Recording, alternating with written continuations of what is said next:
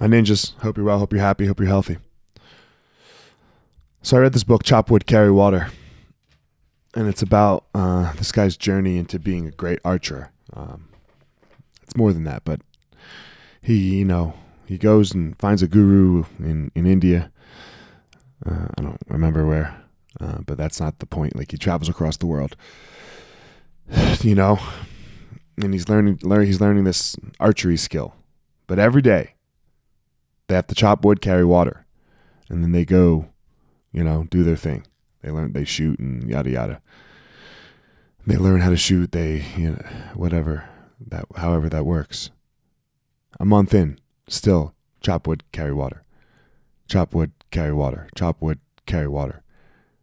Three months in. Why? Because that's what you do.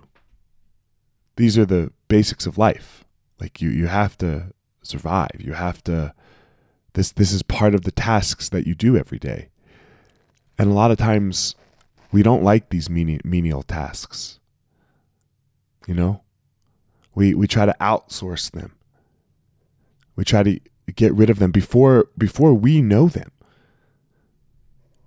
You know, I, I have this rule for my kids: uh, make your money work for you before you make uh, make your money work for you. Oh my lord! Don't work for your money. You make your money work for you. Before you can learn how to make your money work for you, you got to learn how to make money.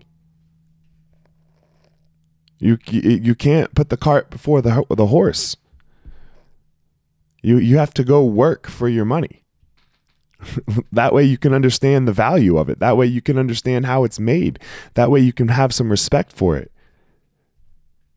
Cut the grass, wash the cars, chop wood and carry water.